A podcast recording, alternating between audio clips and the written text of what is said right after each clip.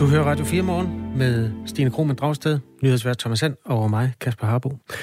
Vi skal lidt senere kigge på det, der hedder Operation Bøllebank. Det var en hændelse, der skete for godt 26 år siden i det land, der ikke eksisterer mere. Dengang hed det Jugoslavien. Øh, danske kampvognssoldater var der nede for at passe på lokalbefolkningen og for at sørge for, at øh, den lufthavn, der ligger ved den bosniske by Tuzla, den kunne holde sig åben, så man kunne flyve nødhjælp derind. Og øh, lang historie kort, danske soldater kom i kamp og øh, dræbte et, et stort antal serbere. Nogle siger 9, nogle siger 15, nogle siger, at det er over 100. Og øh, baggrunden for den hændelse har været til diskussion, blandt andet i en ny bog. I dag har vi øh, Oberst Lars Møller, interview med ham, øh, fordi han var leder af kampvognsenheden på det tidspunkt. Jeg kan huske den, øh, fordi jeg fik det at vide, da jeg selv var i soldateruniform, Stine. Jeg var genindkaldt til en øh, sådan en øvelse mm. i det terræn, der hedder Oksbøl i Vestjylland. Og vi blev sådan trummet sammen. Det var før folk havde det smartphone, som den slags, det hørte man jo om, når det, altså fra mund til mund. Vi fik det at vide et par dage efter, hvor øh, ham, der var sergeant for os, han, han sagde, at danske kampvogne havde været i kamp, og de havde dræbt de her ni serbere. Og helt spontant, så, så brød vi bare ud i klapsalver. Altså, der var virkelig noget landskampstemning over det, der foregik på det tidspunkt. Og det var selvfølgelig, altså for det første, fordi at danskerne ikke var kommet noget til. Det var vi jo sådan set glade for at høre. Mm. Men serberne havde også et forfærdeligt rygte på det tidspunkt. Altså, hvis der var nogen, der brandingmæssigt tabte den krig, så var det serberne. Selvom altså, der var tusindvis af forbrydere, der dræbte på kryds og tværs. Men serberne var altså, dem, der havde det dårligste. De havde virkelig rygtet imod sig. Så det, at, at der var ni af dem, der var blevet slået ihjel af danske kampvogne, det fik den der landskampstemning frem, hvor vi sådan, jeg tænker tilbage på det, jeg kan sgu ikke rigtig forstå det. Altså som om, at Danmark havde vundet en, en sejr? Ja. ja. Der, der, der er nogle mennesker der, der ikke øh, lever mere, og det var, det var vi glade for. Altså, det føles jo sådan helt, jeg ved sgu ikke, næsten racistisk, øh, den måde, som man havde det. Altså, men, men det var jo krig. Men det, jeg skulle lige så sige det, men det var jo krig, ja. Kasper. Og i krig er det vel sådan, at man skal besejre fjenden. Og hvis øh, ideen er, at øh, serberne er fjenden, og de gør en masse rigtig mm. forkerte ting, så er det vel sådan, man reagerer?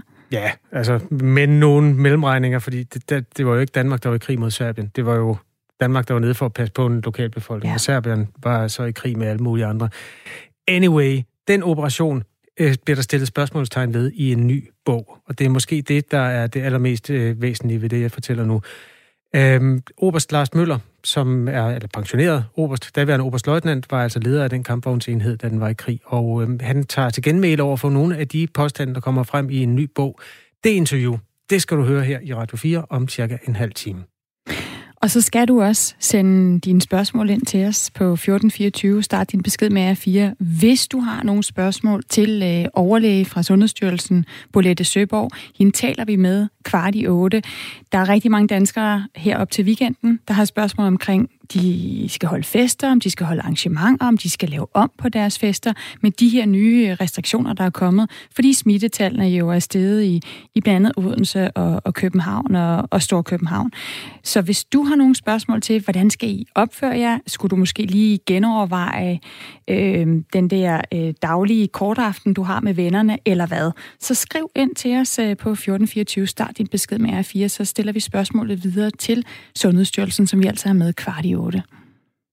Lige nu er klokken 9 minutter over 7.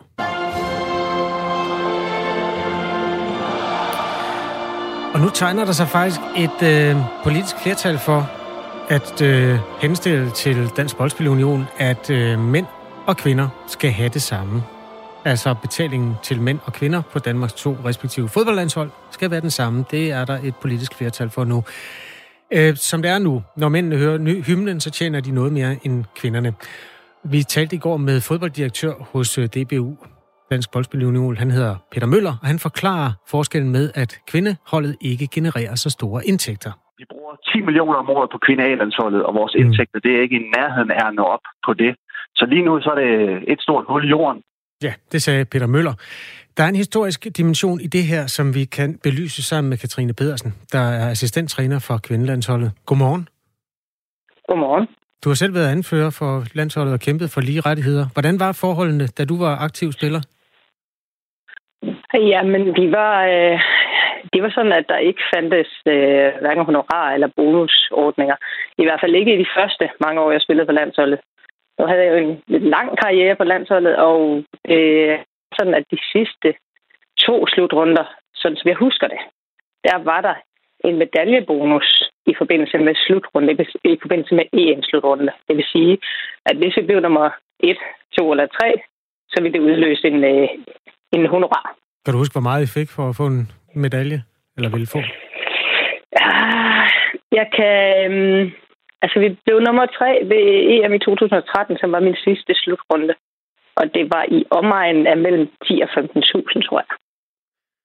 Kan du huske, om du var glad for pengene, eller om du gik allerede dengang og tænkte, hvad vil mændene have fået? Øh, altså, jeg var, jeg var aller, aller, aller mest glad for vores præstation ved, ved, ved EM, og, øh, og det, som vi opnåede, og det, som vi opnåede hos os selv og i øh, Danmark, øh, fodbold Danmarks hjerter. Og så var det da fint chat til, til sommerferien. Mm. Øh, det, er sådan, det er sådan det, som jeg husker. Og øh, ja. Øhm, det er jo ikke, det er jo en kendt sag, at der kommer ikke lige så mange tilskuere til kvindekampen, og man kan heller ikke tage lige så meget for billetterne. Det er jo grunden til, at der er et økonomisk øh, puslespil, som man bokser lidt med hos DBU. Man kan ikke, siger Peter Møller, altså uden øh, at miste penge på det, give de samme beløb til mænd og kvinder. Hvad, hvad tænker du, når du hører øh, det beskrevet som et, et hul, man putter penge i, det her kvindelandshold? Jamen, det, lige præcis det der med et hul, man putter penge i, det ved jeg ikke, om, om Peter Møller han er ment på den måde, fordi jeg synes jo ikke, at vi kvindelandsholdet er et hul, man putter penge i. Men øh, jeg kan jo godt se, at der er, der er forskel i, øh, i markedskræfterne og de penge, øh, de to landshold eller herre- og kvindefodbold genererer. Og det, har jo, det smitter jo også af på hele øh, verdens situation i forhold til fodbold, at lønningerne i klubber, de er meget større hos herrerne, end det er hos kvinderne. Men der er jo ingen, der får løn i, øh, af, af spillerne hos DBU. Nej, det hedder noget andet. Du kalder det honorar, eller? Ja, altså ja. Jeg, jeg kalder det ikke et honorar. Det er et honorar, ja. og det er det, fordi det, altså, så vidt jeg ved, og det, og det ved jeg jo noget om, så er der ikke noget, øh, øh, så er der ikke noget ansættelsesforhold. Vi, vi er ikke ansat, eller vi, nu siger jeg vi, jeg er ikke mm. længere spiller, jeg er faktisk ansat i DBU og får, ja. får løn. øh, men, øh, Altså, spillerne får jo ikke løn, fordi de er ikke ansat i DBU. De er ansat i deres klubber. De får løn i deres klubber. Og det ved vi jo godt, at, kæmpe, altså, at der er en kæmpe forskel på lønningerne i herrefodbold og kvindefodbold. Men derfor, altså, jeg synes jo principielt, når man så repræsenterer sit land, man er udtaget til landsholdet, fordi man er den bedste, øh, mm. eller en af de bedste i landet, så synes jeg, at øh, det skal honoreres lige. Fordi det synes jeg ikke, der er forskel på. Man repræsenterer sit land øh, i fodbold, og man er rollemodel for en hel masse børn og voksne mennesker i hele Danmark, øh, hvor der i øvrigt er øh, sådan nogenlunde lige fordeling af mænd og kvinder øh, i hele Danmark. Så der, derfor synes jeg, at det principielt skal være lige. Den, altså, den honorar, man får. Ja, altså det, det er det, det jo ikke. I lande som Norge og Holland og New Zealand, der har man valgt, at mænd og kvinder skal have den samme økonomiske kompensation for at spille en landskamp. Øh, den agenda har Brasilien nu også købt ind på og indført lige betaling. I Danmark er der øh, simpelthen to vidt forskellige systemer. Det var et ret kompliceret interview, vi havde med Peter Møller, fordi der er jo nogen, der får en, en fast støtte øh, ved siden af, øh, og så er der noget per billet, der bliver solgt, og der er noget sejrsbonus, udtalelsesbonus osv. Men der er jo altså for nu være en øh, væsentlig forskel på, hvad kvinder og mænd får. For eksempel en venskabskamp, der er der efter vores oplysninger en sejrsbonus på 2,5 på 2.500 til en kvinde, og det er vist nok noget med, at man får de penge uanset hvad. Til gengæld er der ved en venskabskamp en sejrsbonus på 12.500 til mænd, og så videre, så videre. Øhm, hvorfor synes du, at, øhm, at, de, at man skal have det samme, altså når indtægterne er så forskellige fra en kvindekamp og en mandekamp? Jamen, det er samme begrundelse, som man lige har givet, fordi, fordi det ikke er, altså, det, det er ikke noget arbejde. Vi repræsenterer, man repræsenterer sit land, fordi man er udtaget, fordi man er bedst. Og, og en udtalelse til landsholdet, og det at spille for landsholdet med flaget på brystet, det er forbundet med utrolig stor stolthed og ære for den enkelte spiller. Øh, og så synes jeg, det, det er rigtigt, det er et kompliceret billede, det, det med, hvad, hvad spillerne får. Og der er jo noget i det, som jeg synes er, altså hvis en del af honoraret, det, det, er, øh, det kommer af antallet af spil, øh, øh, øh, tilskuere. Og det er en betaling for altså en enhed per tilskuer. Så kan jeg jo godt forstå, at herrenes øh, pose penge, den er større end kvindernes, fordi der er omkring 40.000, der ser en herrekamp, og 10.000, der ser en kvindekamp. Så, så det kan jeg godt forstå, hvis det i øvrigt øh, honoreres lige. Men, men det er så kompliceret et billede i forhold til de forhandlinger, som er foregået, øh, hvor, hvor Spillerforeningen og spillerne og DBU, de har de har fået nogle, øh, altså nogle aftaler på plads. Så mm. det vil jeg faktisk helst ikke gå ind i, fordi det har jeg ikke nok indsigt, eller, øh, og og det, den del vil jeg ikke så gerne diskutere, men princippet i, at det skal være lige, det, det har jeg en helt klar holdning til. Øhm, hvad betyder det? Altså, hvad er problemet ved, at man ikke får det, det samme honorar for at spille på dame- kvindelandsholdet, som man gør på herrelandsholdet? Jamen, det, øhm, jeg synes, at signalet, hvis, hvis det var lige, ville være rigtig fint.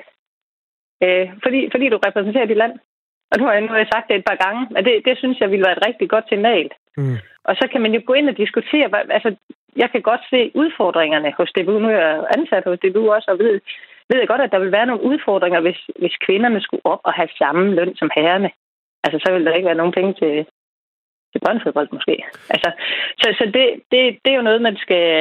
Det er ikke min del at skulle kigge på det. Jeg siger bare, at principielt er jeg den holdning, at, at det skal honoreres lige øh, fordi det ikke er løn. Spillerne er ansat i deres klubber og får, får øh, efterhånden mm. både mænd og kvinder gode lønninger i deres klubber. Du skal lige høre et klip mere med Peter Møller, som vi øh, talte med i går. Spillernes forening og spillerne har ikke talt om det, som, som vi kalder ligeløn. Men vi, vi, i princip kunne vi jo godt, kunne vi godt gøre det, men, mm. men kvinderne har nogle andre ting, som herrerne ikke har. Ja, øh, Peter Møller siger, at det ikke, har ikke hidtil været et ønske under forhandlingerne. I juni måned, der valgte parterne at forlænge mm. den tidligere aftale, øh, og der er en hel masse elementer i det. Synes du, kvinderne har solgt sig selv for billigt? Skulle de have krævet lige løn, eller lige betaling, for nu at bruge det ord, i stedet for? Øh, nej, jeg synes, nej, det synes jeg ikke. Jeg synes, øh, det vil jeg faktisk helst ikke synes noget om. Det, jeg synes noget om, det er, at øh, det er rigtig, rigtig fedt, at vilkårene for kvinderne er blevet bedre. Vi bliver nødt til, hvis vi skal være konkurrencedygtige og øh, i forhold til de lande, vi gerne vil øh, konkurrere med og spille, øh, altså sammenligne os med øh, for, i kvindefodbolden, så bliver vi nødt til at have gode vilkår, og det har, altså, det har pigerne formået at forhandle øh, en aftale hjem om. Vi har bedre vilkår, og der er bedre vilkår for spillerne, og det under jeg dem virkelig, fordi de leverer et kæmpe stykke arbejde i forhold til den professionalisme og den hverdag, som de har øh, i forhold til fodbold. Det anslås, at Morten Olsen, da han var dansk landstræner, fik omkring øh, i underkanten af 7 millioner kroner om året. Får du mere eller mindre end 7 millioner om året? Oh, oh, oh. skal lige ind tjekke med lønsedlen. okay. Nej, nej, men det, det, den diskussion vil jeg heller ikke gå ind i. Men det er jo, altså, udover at det er jo ikke et honorar, vi får. Nej, okay. Tak fordi du var med, Katrine Pedersen. Ja, selv tak assistenttræner på kvindelandsholdet. Et flertal i Folketinget bestående af Socialdemokratiet, Enhedslisten, Radikale og SF mener, at de danske herrer og damer skal være ligestillede, når de spiller en kamp med landsholdet. Vi har også prøvet at få en kommentar fra herrelandsholdet, fordi det kan godt ende med at være dem, der skal ned i løn, hvis de andre skal op i løn. Eller, nu bliver jeg ved med at kalde det løn, men betaling. Honorar. Vi vil selvfølgelig gerne høre, om øh, herrerne er klar til at give en del af deres betaling. Øh, men det er ikke lykkedes at få en kommentar den vej rundt. Vi har også prøvet at få kulturminister Joy Mogensen med i radioen. Hun er jo ikke øh, bleg for at stille op til en øh, ligestillingsdebat, men ikke lige den her. Det er ikke lykkedes. Kulturministeren har henvist til ligestillingsministeren, Mogens Jensen. Øh, ham kunne vi så heller ikke få fat i. Der er en lytter, der, der spørger Kasper, hvis de er så stolte, og det er så stor en ære, øh, hvor, hvorfor skal de så overhovedet have penge?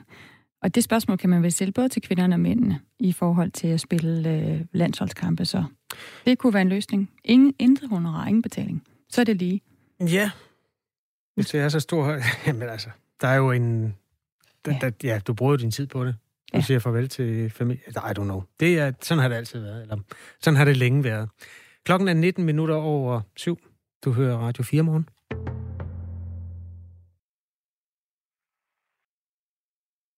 Nu prøvede jeg lige at sætte en lyd på. Har du tændt for mig? Ja, ja prøv nu. And the Oscar goes to Titanic.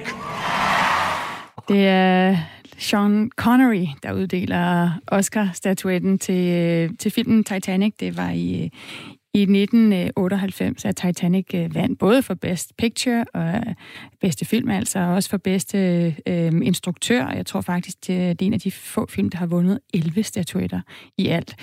Øhm, og det er jo nogle priser, som rigtig mange øh, gerne vil have fingrene i, men fra, øh, fra 2024 hvis man skal have fingrene i sådan en Oscar-statuette, så skal man leve op til en række mangfoldighedskrav. Det er krav til, hvor mange øh, på rollelisten, der skal have etniske, øh, der skal være etnisk minoritet, øh, handicappede, øh, kvinder eller for LGBTQ plus miljøet. Hvis de regler galt i dag, så havde Titanic med meget stor sandsynlighed ikke fået de her mange priser med hjem. Benjamin Bo Rasmussen, du er formand for Dansk Skuespillerforbund og med os her på Radio 4 morgen. Godmorgen. Godmorgen. Hvorfor er de her krav en god idé? Altså, jeg synes jo, at der i mange år har jo været en debat omkring repræsentation øh, inden for øh, øh, film og tv. Øh, og der har amerikanerne og øh, især også englænderne været meget langt fremme i skoene. Og jeg vil jo bare lige øh, øh, sige til en start, at det er jo et eksperiment for at finde ud af, hvordan øh, skaber man større inklusion og repræsentation i film og tv. Og det er jo en del af de, altså, en del af de kategorier, du siger der, det er jo, der skal være opfyldt. Det er jo både foran kameraet, men også bag ved kameraet. Titanic ville jo stadigvæk kunne være, øh, have vundet alle de her øh, øh, mange Oscars, hvis det så bare var, havde været sådan, at der havde været repræsentation bag kameraet, eller i historien, eller i produktionen. Så på den måde kan man jo sige, at det er et benspænd, man laver for at få dem, øh, der laver filmene, hvis de gerne vil være i, hvad skal man sige, der i øh, konkurrence, så skal de jo tage hensyn til repræsentationen både øh, enten på lærret, men også bag kameraet. Og Benjamin Bo Rasmussen, nu går jeg lige ind og, og opsummerer kort ja. de her benspænd, som, som du kalder dem, altså de her krav, ja. som er delt op i, i fire hovedpunkter. Øhm, dem skal man altså opfylde mindst to af nu, hvis man skal gøre sig håb om at blive nomineret til en Oscar. Nummer et. Mindst en af hovedrollerne skal gå til en, der ikke er hvid. Samtidig skal 30 procent af birollerne besættes af kvinder, ikke hvide, handicappede eller folk fra LGBT øh, plus miljøet, og så skal historien eller temaet for filmen være centreret omkring de her emner. Nummer to. Mindst to fra hovedgruppen af produktionsholdet skal være fra en af de førnævnte grupper, og seks fra de øvrige produktionshold skal have minoritetsbaggrund. Samlet set skal 30 procent af filmholdet være fra den underrepræsenterede gruppe. Eller nummer tre. Man kan også vælge, at øh, de betalte praktikanter på filmholdet enten er kvinder, eller har en anden etnisk baggrund, eller øh, er fra LB, øh, LGBTQ plus miljøet, eller er handicappede. Nummer 4, det sidste benspænd. Øh, filmselskabet skal have flere ledende medarbejdere, som kommer fra en af de her grupper. Jeg kan også lige øh, sende øh, det her spørgsmål ud til lytterne, altså hvad, hvad, hvad de mener om, at øh, det er okay, at øh, Oscar, altså den mest kendte øh, filmpris i verden, øh, nu laver de her krav, eller benspænd kan vi kalde det, for at øh, man bliver indspillet, øh, for at man bliver indstillet. Men øh, Benjamin Bo Rasmussen, mm. altså formand for Dansk øh, Skuespillerforbund, den her øh, Oscar, øh, den, den mest sådan øh, eftertragtede Oscar, det er årets bedste øh, film. Det er jo ikke årets ja. mangfoldighedsfilm. Er der ikke en risiko for, at man uddeler statuetten til en film, som ikke er den bedste, bare fordi man skal overholde to af de her fire krav? Øh, nej, det synes jeg egentlig ikke. Altså, jeg synes jo, vi lever jo i en verden, der bevæger sig hele tiden, og i de her år er der jo enormt fokus på øh, identitetspolitik og, øh, øh, og repræsentation. Altså, vi er jo i dansk film også bevidste om, altså vi, hvis vi bare lige trækker den her hjem, vi er jo meget bevidste om, at der mangler repræsentation, øh, øh, både på øh, øh, køn og etnicitet øh, inden for dansk film og tv, og det er jo noget, vi arbejder sammen med Filminstituttet og Producentforeningen for at prøve på at, øh, at lave om på. Og derfor synes jeg jo, at enhver, der tager hænderne op og lommen for at prøve at se, hvad kan vi gøre for at skabe mere inklusion? Øh, fordi vi har jo også et ansvar, når så mange mennesker øh, vælger at se film Øh, øh, øh, og, og tv, og det er en del af den, hvad skal sige, den kulturelle opdragelse, vi har, så synes jeg jo også, at det er fair nok, at, øh, at alle kan spejle sig i det, de oplever øh, op på lærredet. Altså, det er jo dig og mig, der betaler sådan set for de film, der bliver lavet, kan man sige. Så derfor har alle jo sådan set også, hvad skal man sige, krav på at, øh, at, at, at kunne se sig selv på lærredet. Men man jeg vil jo bare lige gentage en gang til, det er jo, jeg synes jo, det er et super fint benspænd, fordi man kan jo stadigvæk lave krigsfilm i Stalingrad, så skal man bare have et andet produktionshold. Øh, så det er jo et, et benspænd på den måde, for ligesom at sige, jamen vi er nødt til at skabe større inklusion. Og det gør det jo også i byggebranchen ved at skrive ind, hvor mange lærlinge, der skal være med, og altså, når man skal lave et eller andet stort byggeprojekt. Benjamin Bo Rasmussen, altså formand for Dansk Skuespillerforbund. Hvad, hvad, er, hvad synes du er den bedste film, der er blevet lavet nogensinde? Ja. Undskyld, jeg hørte ikke det sidste. Jeg tror, jeg røg ud. Har jeg været ude? Nej, øh, nu hører vi dig igen. Jeg stiller lige spørgsmålet igen. Hvad synes du selv, altså hvad, hvad synes du er den bedste film, som er blevet lavet, hvis du skulle vælge? Åh, hold nu kæft. Det var et svært spørgsmål, fordi jeg synes jo, jeg har simpelthen set så mange gode film. Men så lad os bare tage, hvad den siger, øh, den, øh, øh, jamen så lad os tage Inception for eksempel. Det synes jeg var en rigtig, rigtig, rigtig god film. Inception. Vil, vil den have opfyldt øh, to af de her fire krav?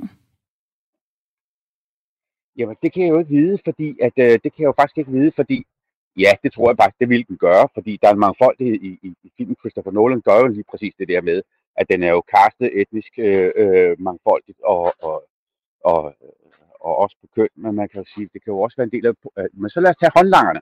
Fantastisk film, Quentin Tarantinos gennembrudsfilm. Øh, der er ligesom kun mænd med.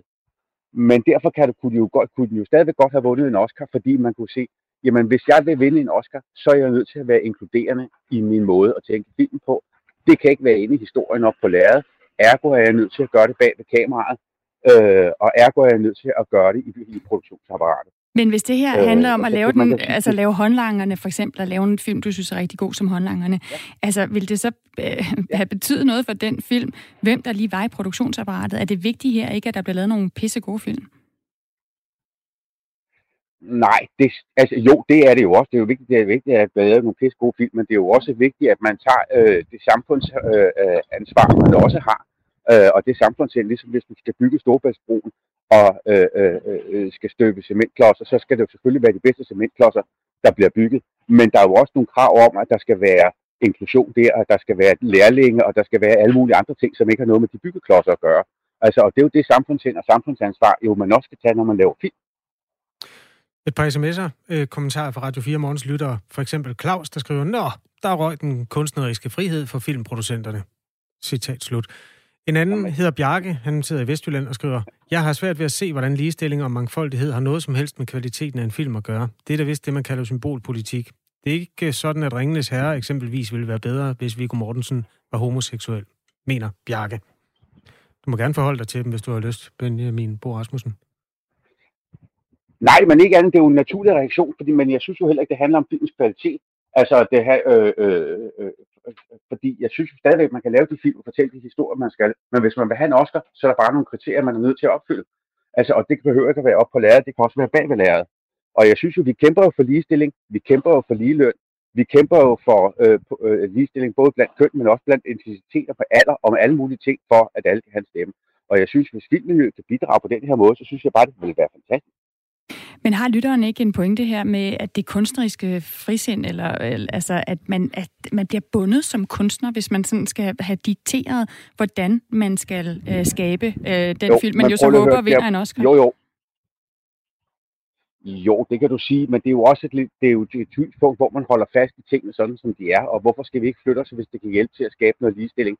Man kan jo sige, altså jeg har jo også friheden til at gå ind og tage en liter mælk og, øh, og lade være med at betale for den, men så er det jo butikstyveri. Altså, vi har jo nogle tanker om, hvordan vi bygger nogle regler og laver nogle regler øh, og, og bygger nogle samfund op. Og bare fordi det er kunst, så betyder det jo ikke, at man må sætte ud over reglerne. Man skal jo stadigvæk betale for det, man tager. Mm. Jeg kan lige øh, putte lidt ekstra fakta på her. Øhm, sidste års nomineret for bedste instruktør, som jo altså er en af de store øh, Oscar-statuetter, ja. de, var, øh, de var alle mænd. Ja. Øh, og igennem Oscarens 90 års historie, så er der fem kvinder, der er blevet nomineret for bedste instruktør. Øh, der er en, der har vundet i 2010, der vandt øh, Catherine Bigelow øh, for hendes Irak-krigsfilm ja. The Hurt Locker. Øh, der vandt hun jo for over ja. Titanic-instruktøren, øh, hendes tidligere mand. Øh, og så kan vi også bare lige sige, at der er ingen øh, sorte ja. instruktører, der har vundet hovedkategorien for, for bedste film øh, endnu. Øh, så det var bare lige for at, at, at, at understrege, hvordan det, det, det samme herhjemme. Ja. ja, vil du have en, en kort Jamen, kommentar, vi, vi går mod ny- nyhederne nu? Undskyld, jeg stopper. Jeg vil bare sige, Maja Altuki for eksempel, der var... Ah, undskyld, nu afbryder jeg dig igen. Jeg holder min mund. Du har lige 30 sekunder, øh, Benjamin Bo Rasmussen. Jeg vil jo sige, okay, tak skal Jeg synes, det er en rigtig god idé, altså, fordi man kan, hvis vi kigger herhjemme, så kan man se, at den sidste års øh, fantastiske film, Dronningen, der vandt, øh, både Robert og Bode, det var jo Maja Altugi. Hun var den første kvinde nogensinde, der har vundet øh, så, øh, øh, bedste film bedste instruktør, som, som kvindelig instruktør. Og hvis, øh, altså, vi skal jo have nogle forbilleder, vi skal have nogen op i, øh, på de lærere, vi kan spejle os i, enten både foran eller bagved. Tak. Jeg synes, det er fantastisk, at der er nogen, der prøver på. Tak, Benjamin Bo Rasmussen. Nu er der nyheder.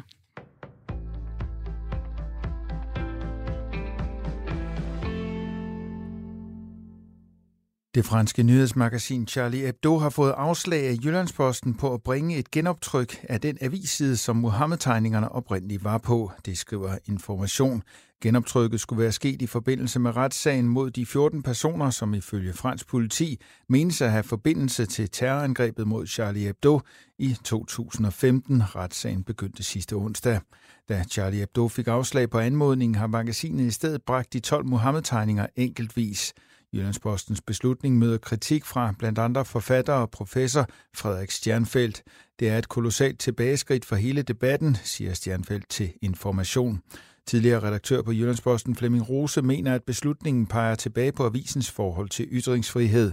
Jyllandsposten kan på konsistent grundlag ikke opretholde forestillingen om, at de på samme måde går ind for ytringsfriheden, som de hele tiden har gjort, når de forsøger at blokere publiceringen af den side, siger Flemming Rose til Information. Ifølge Jakob Nybro, der er chefredaktør på Jyllandsposten, har avisen afvist ønsket, fordi man ikke deltager aktivt i publiceringen af avissiden. Det er kun siden og ikke selve tegningerne af avisen, aviserne har rettighederne tilskriver han i en mail til Information. Det gør vi ikke noget sted, fordi det ville anfægte den sikkerhed, som vi gør vores yderste for at opretholde. Den beslutning omfatter ikke alene Charlie Hebdo, men alle forespørgseler, skriver Jakob Nybro i mailen. Charlie Hebdos chefredaktør Gerard Biard oplyser til information, at det franske nyhedsmagasin ikke har nogen kommentarer til Jyllandspostens redaktionelle beslutninger. Eleverne på landets højskoler har svært ved at overholde restriktioner i forbindelse med coronaudbruddet.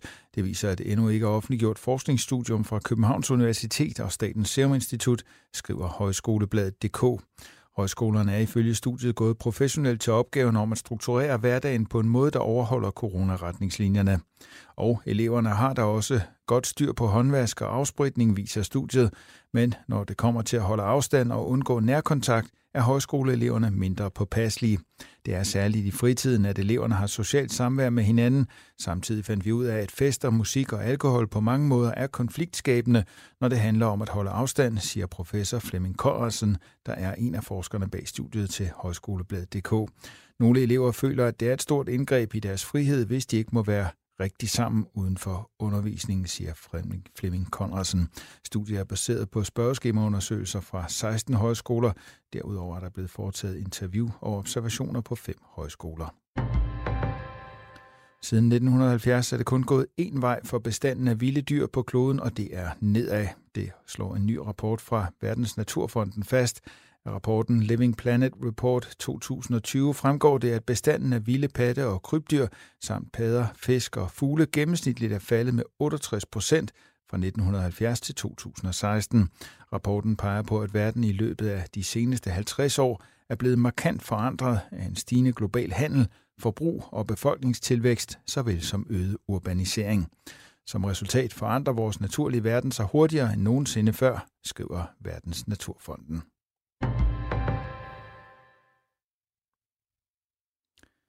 Vejret i dag tørt med lidt eller nogen sol og temperaturer op mellem 13 og 17 grader. Jævn til frisk nordvestlig vind ved kyster stedvis hård vind, der i løbet af dagen aftager og bliver let til frisk fra vest og nordvest.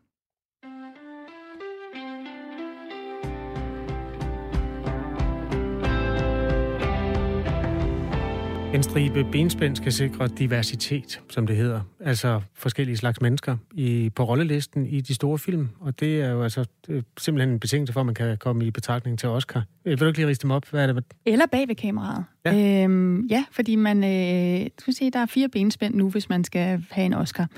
Enten så skal man øh, have nogle kvinder, eller handicappede, eller øh, nogen med en anden seksuel, øh, sådan, øh, øh hvad hedder det... Øh, altså ikke nogen, der bare er heteroseksuelle øh, i hovedrollerne. Øh, ellers så skal nogen fra produktionsholdet øh, tilhører en af de her grupper, altså ikke hvide mænd. Man kan også betale praktikanter, som tilhører en af de her grupper. Øh, det er også et benspænd. Øh, eller hvis filmselskabet har flere ledende medarbejdere, som for eksempel er kvinder, LGBTQ+, eller ikke hvide eller handicappede, så har man også... Man skal opfylde to af de her benspænd for at få en Oscar. Fra 2024. Ja, okay. Altså om fire lige, år. Du kan lige nå at lave en...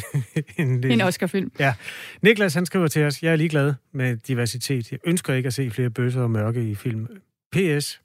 Jeg selv er afro. Altså, Niklas er mørk, ja. og synes ikke at den grund, at han har behov for at se flere mørke mennesker i film. Det siger lidt om Niklas øh, filmsmag. Jeg ved ikke, jeg vil bare gerne se gode film. Ja, jeg er altså også komplet ligeglad. Øh, den bedste, det er Pulp Fiction. Der er en hvid mand og en mørk mand, der går ved siden af hinanden. Den holder stadigvæk. Den kan man simpelthen vise her 26 år efter. Jamen, det, det okay. Nu, skal vi, nu taler vi om noget andet, for det, vil jeg, jamen, det må jeg lige høre bagefter, altså om du har vist den for dine børn, for jeg er nemlig lidt i tvivl om, den holder stadigvæk, hvis jeg skulle spille den for mine børn nu. Jamen, øh, den 19-årige har set den. Hun, ja. øh, hun, hun, hun, hun stempler den, ja. Okay, der er også en lytter, der skriver, at en inklusion er et stort problem inden for film, øh, og med mindre der er nogen, der skubber på, så ændrer man ikke verden. Tak for sms'erne. De er sendt til 1424. De startede med, en, med R, 4 og et mellemrum. Og vi vil rigtig gerne have flere af dem. Øh, ikke bare om det her med Oscar og film og minoriteter og inklusion. Vi vil også rigtig gerne have jeres spørgsmål. Her øh, kvart i, i 8, der får vi nemlig øh, Bolette Søborg, overlæge ved Sundhedsstyrelsen, med til at svare på spørgsmål om weekendens fester for eksempel. Hvordan skal man forholde sig til de her nye coronarestriktioner? Hvis du har nogle spørgsmål, så skriv ind til os på 1424. Start din besked med R4. Var det egentlig helt unødvendigt, at danske soldater endte i ildkamp og dræbte et tocifret antal bosniske serbere under den jugoslaviske borgerkrig for 26 år siden? Det mener forfatteren til en bog, der udkom for et par uger siden, og nu tager lederen af kampvognssoldaterne til genmæle. Det hele det øh, udspillede sig en forårsdag i 1994, hvor en flok fredsbevarende danske FN-soldater for alvor blev blandt ind i den borgerkrig, der var i gang i Jugoslavien. Soldaterne rykkede ud i deres kampvogne, fordi deres svenske kolleger blev beskudt af en flok af de lokale bosniske serbere. To timer senere var et ukendt antal serbere døde. Tallet svinger mellem 15 og 150, alt efter hvem man spørger.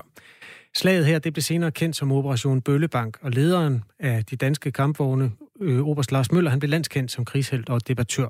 Men flere soldater, der var med i slaget, har efterfølgende stillet spørgsmålstegn ved, om det var den rigtige beslutning. En af dem er Johnny C. Jensen, forfatter til bogen Myten om Operation Bøllebank. Vi bliver ringet op lidt over 10 om aftenen, at uh, Tango 2, som observationsposten hedder, der sidder en gruppe svenskere, uh, er blevet beskudt, og han siger, Tango 2 er blevet beskudt gennem den sidste time.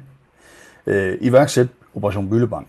Og det er så ordren til, at vi skal iværksætte uh, hjemme fra lejren af og køre de små tre kvarter ud til, til området og iværksætte uh, den navnkundige operation.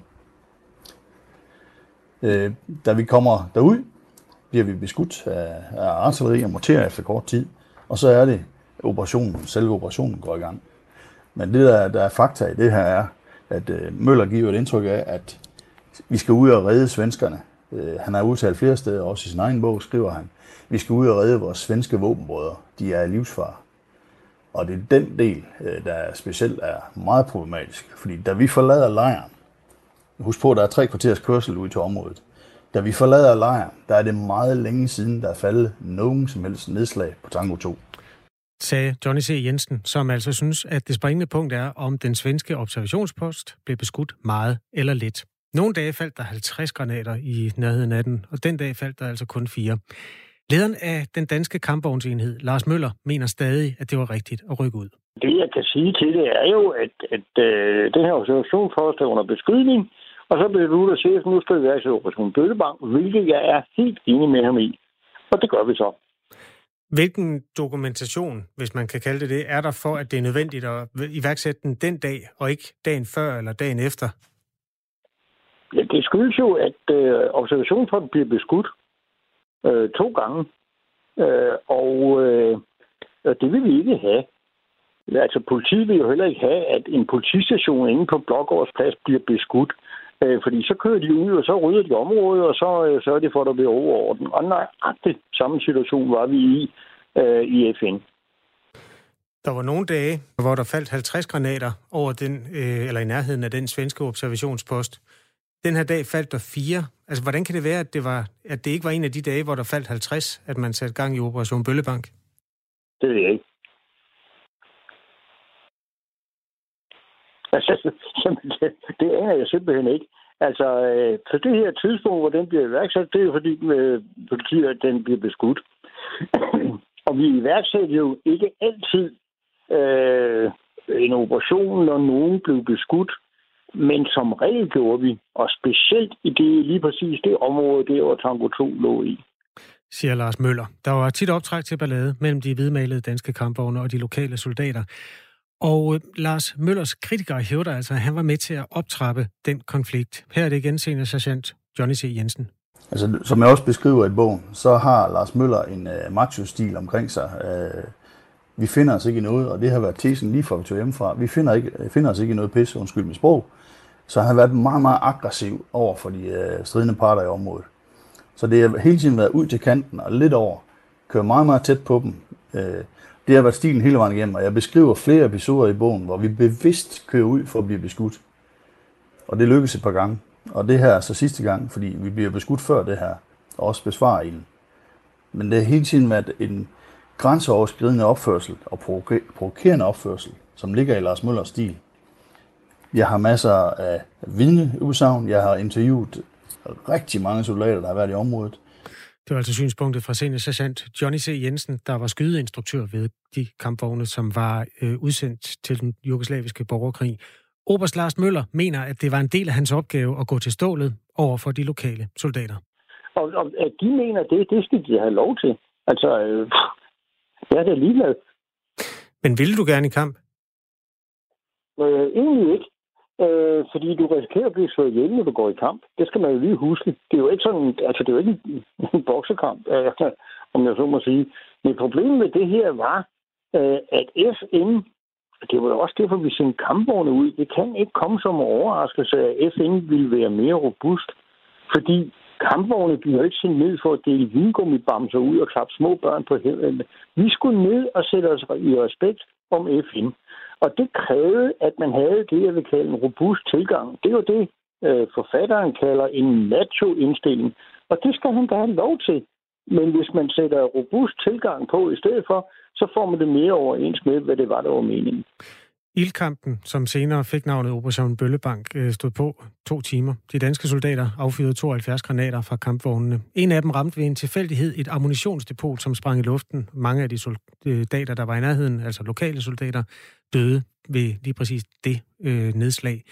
Der var ikke nogen danskere, der kom noget til øh, fysisk, men alligevel mener Johnny C. Jensen, altså at det er vigtigt at slå fast, at operationen var en fejl i hans optik. Når man siger, en, en poster bliver blevet skudt gennem den sidste time, så maler man jo billedet op, on, op om, at øh, det er hæftigt det her.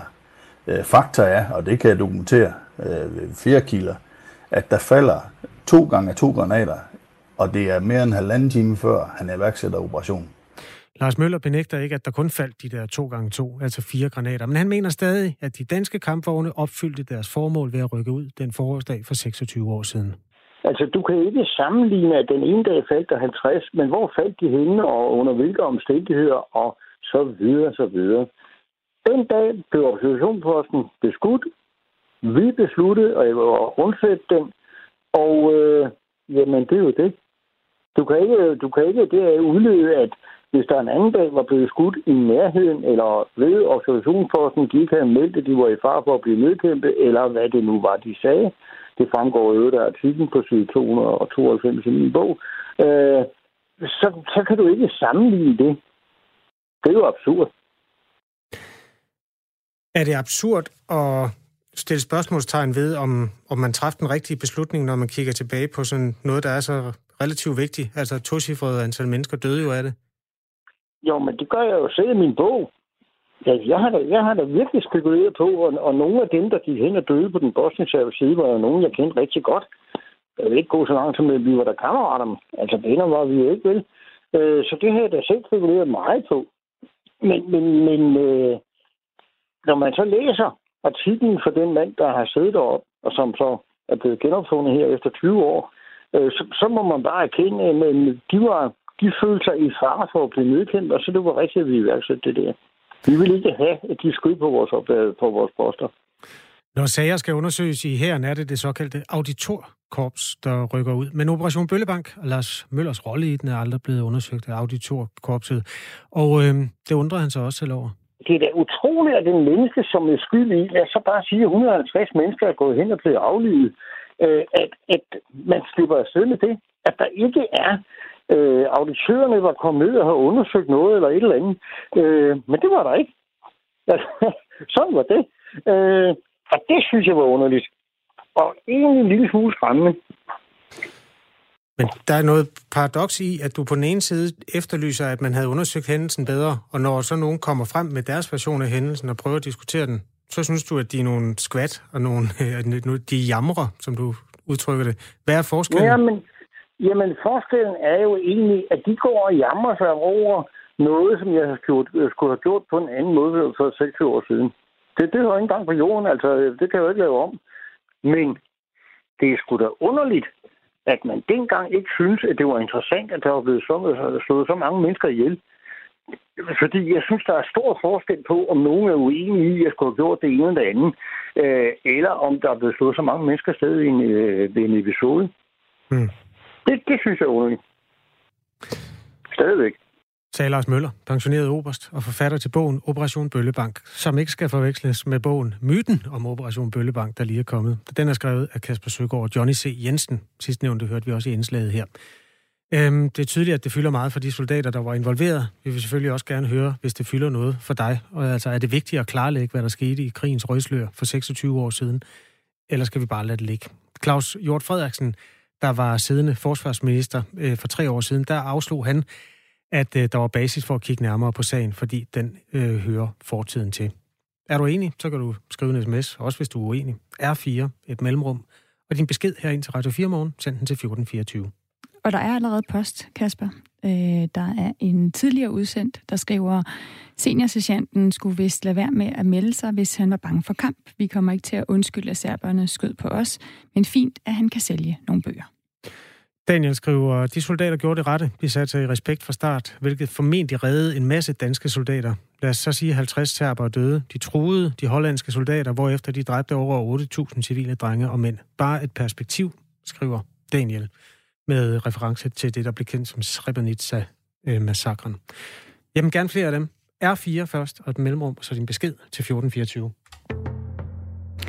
Nu er, 13, er klokken blevet 13 minutter i, i 8, og øh, nu skal det handle om, hvordan vi egentlig skal opføre os. Øh, for eksempel her i weekenden, hvor der måske er mange, der skal have familiesammenkomster eller, eller fest.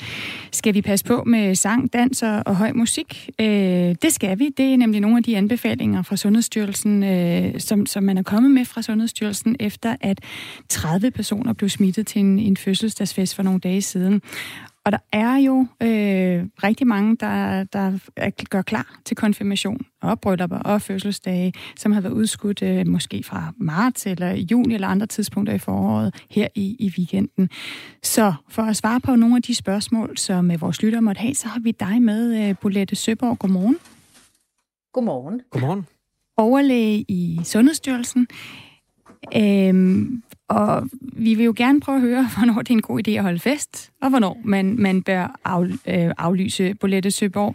I har jo sendt nogle opdaterede retningslinjer ud for, hvordan man bør forholde sig, hvis man skal holde fest. Hvorfor har I gjort det?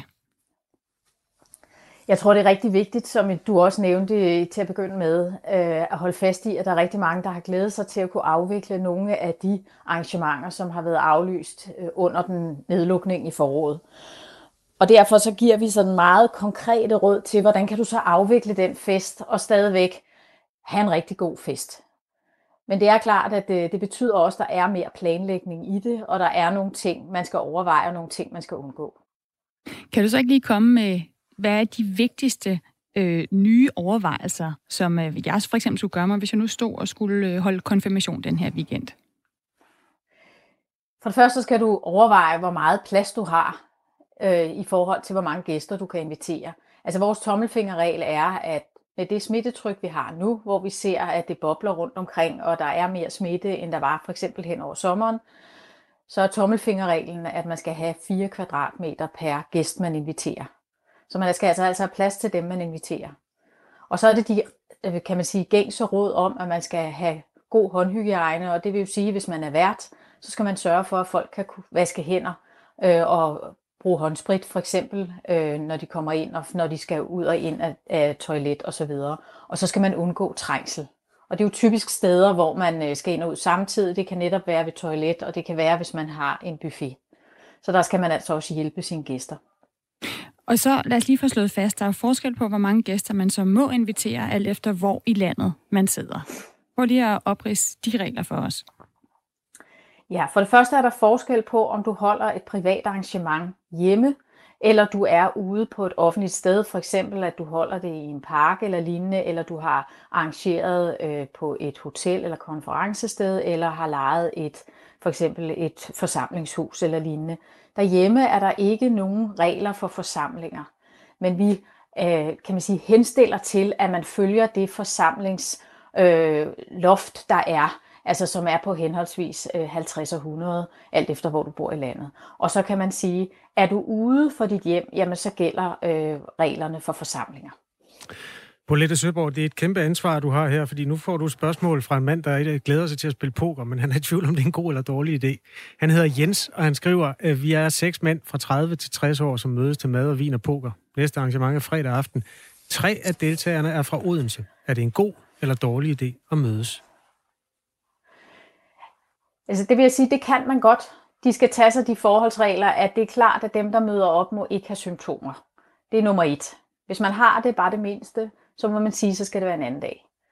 Når man så kommer, så skal man huske, at man skal kunne holde meters afstand, og hvis nogle af dem, der møder op, øh, er i særlig øget risiko, jamen så er det to meter.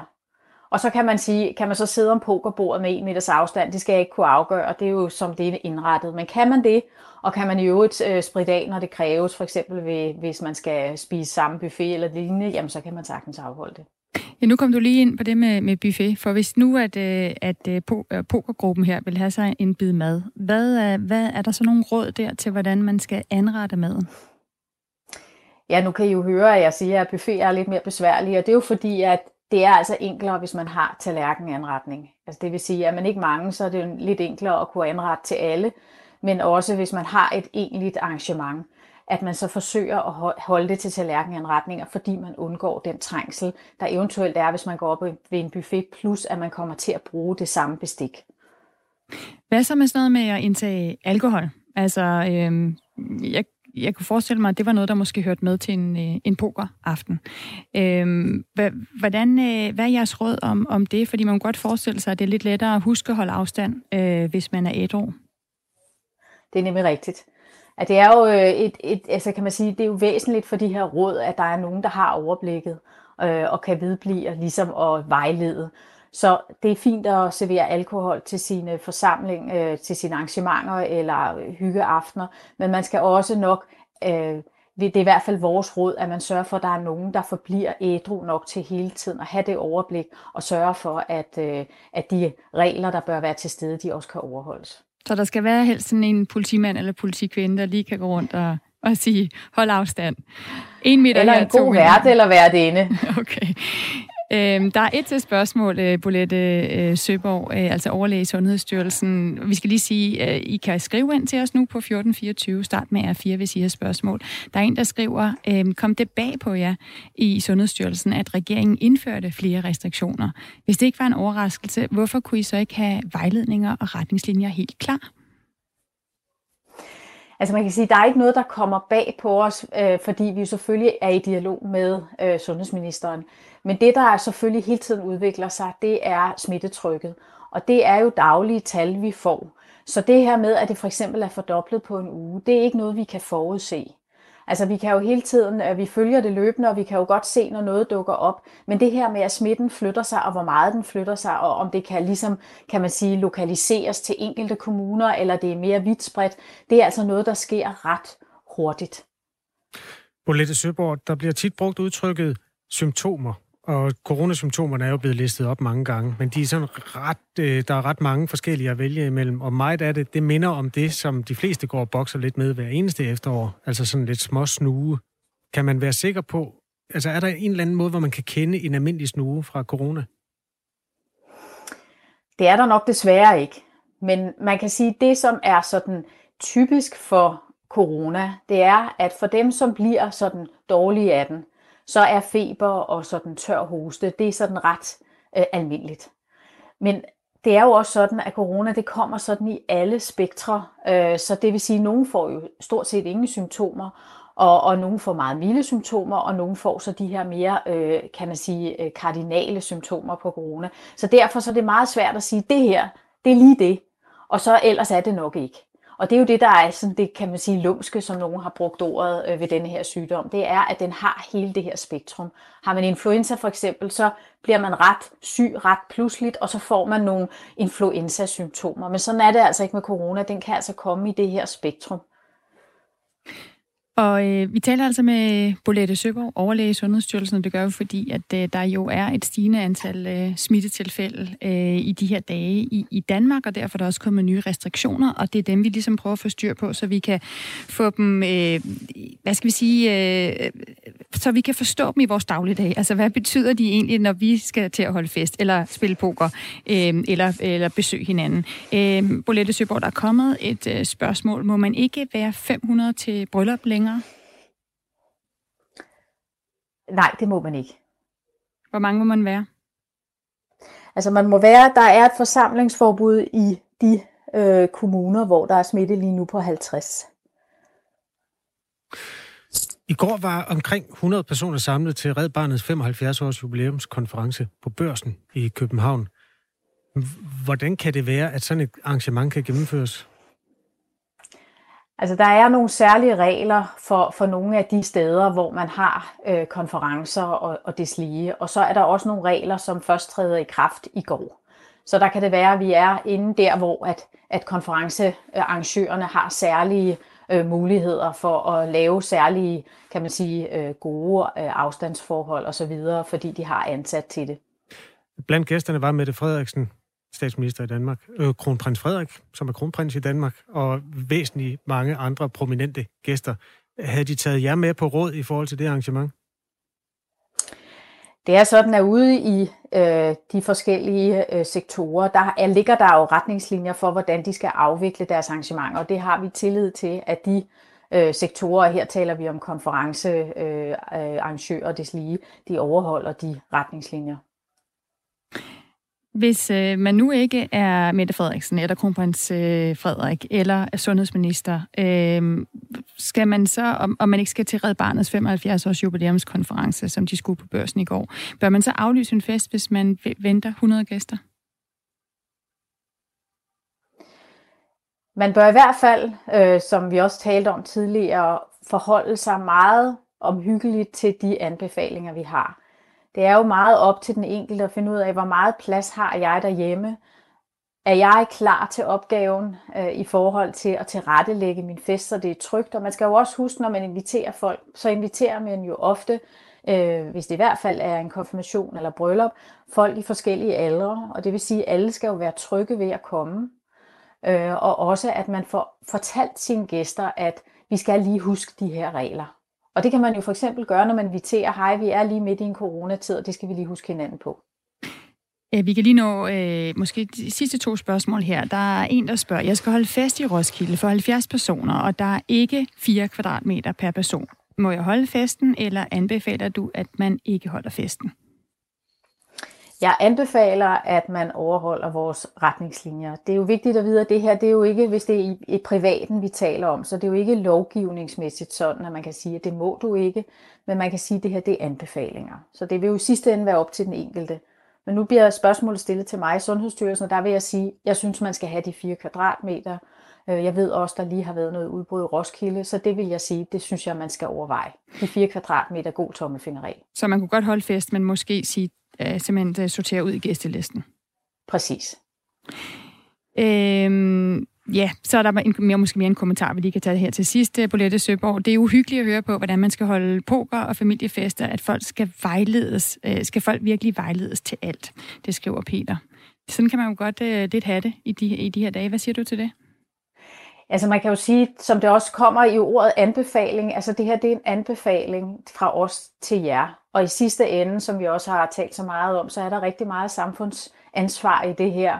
Og det vil sige, hvis folk siger, at det synes jeg ikke, jeg vil, øh, så, så må man jo tage det øh, på sig. Men jeg tror også, man skal tænke over i det her tilfælde, der er der rigtig mange mennesker, som skal øh, inviteres hjem, så derfor så vil der også være andre, man sådan set skal, øh, kan man sige, i dialog med, nemlig sine gæster. Og der tror jeg, at alle vil være meget trygge ved at vide, at det, øh, den vært, man har, de har gjort sådan nogle anstrengelser i den her tid.